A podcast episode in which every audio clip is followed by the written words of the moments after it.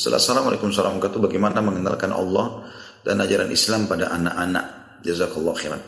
Anak itu mudah sekali. Saya Alhamdulillah Allah amanahkan beberapa anak. Tugas kita hanya menyampaikan. Ya. Tugas kita hanya menyampaikan saja. Jadi saya misalnya mengatakan, nak Allah suruh sholat.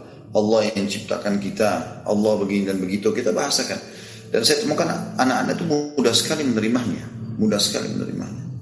Karena dia bukan seperti orang besar, orang dewasa yang sudah banyak terkontaminasi pikirannya dengan pikiran-pikiran ateis, komunis dan segala macam. Syubhat luar biasa. Gitu. Kemaksiatan juga sudah di mana-mana. Nah, jadi anak kecil itu mudah. Biasakan saja tanamkan.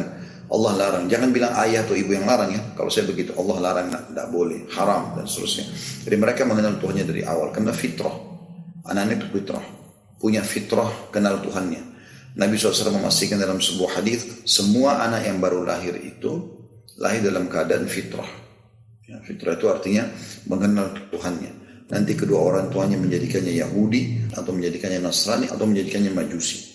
Jadi dia mereka pertama lahir itu dalam keadaan mengenal Tuhannya.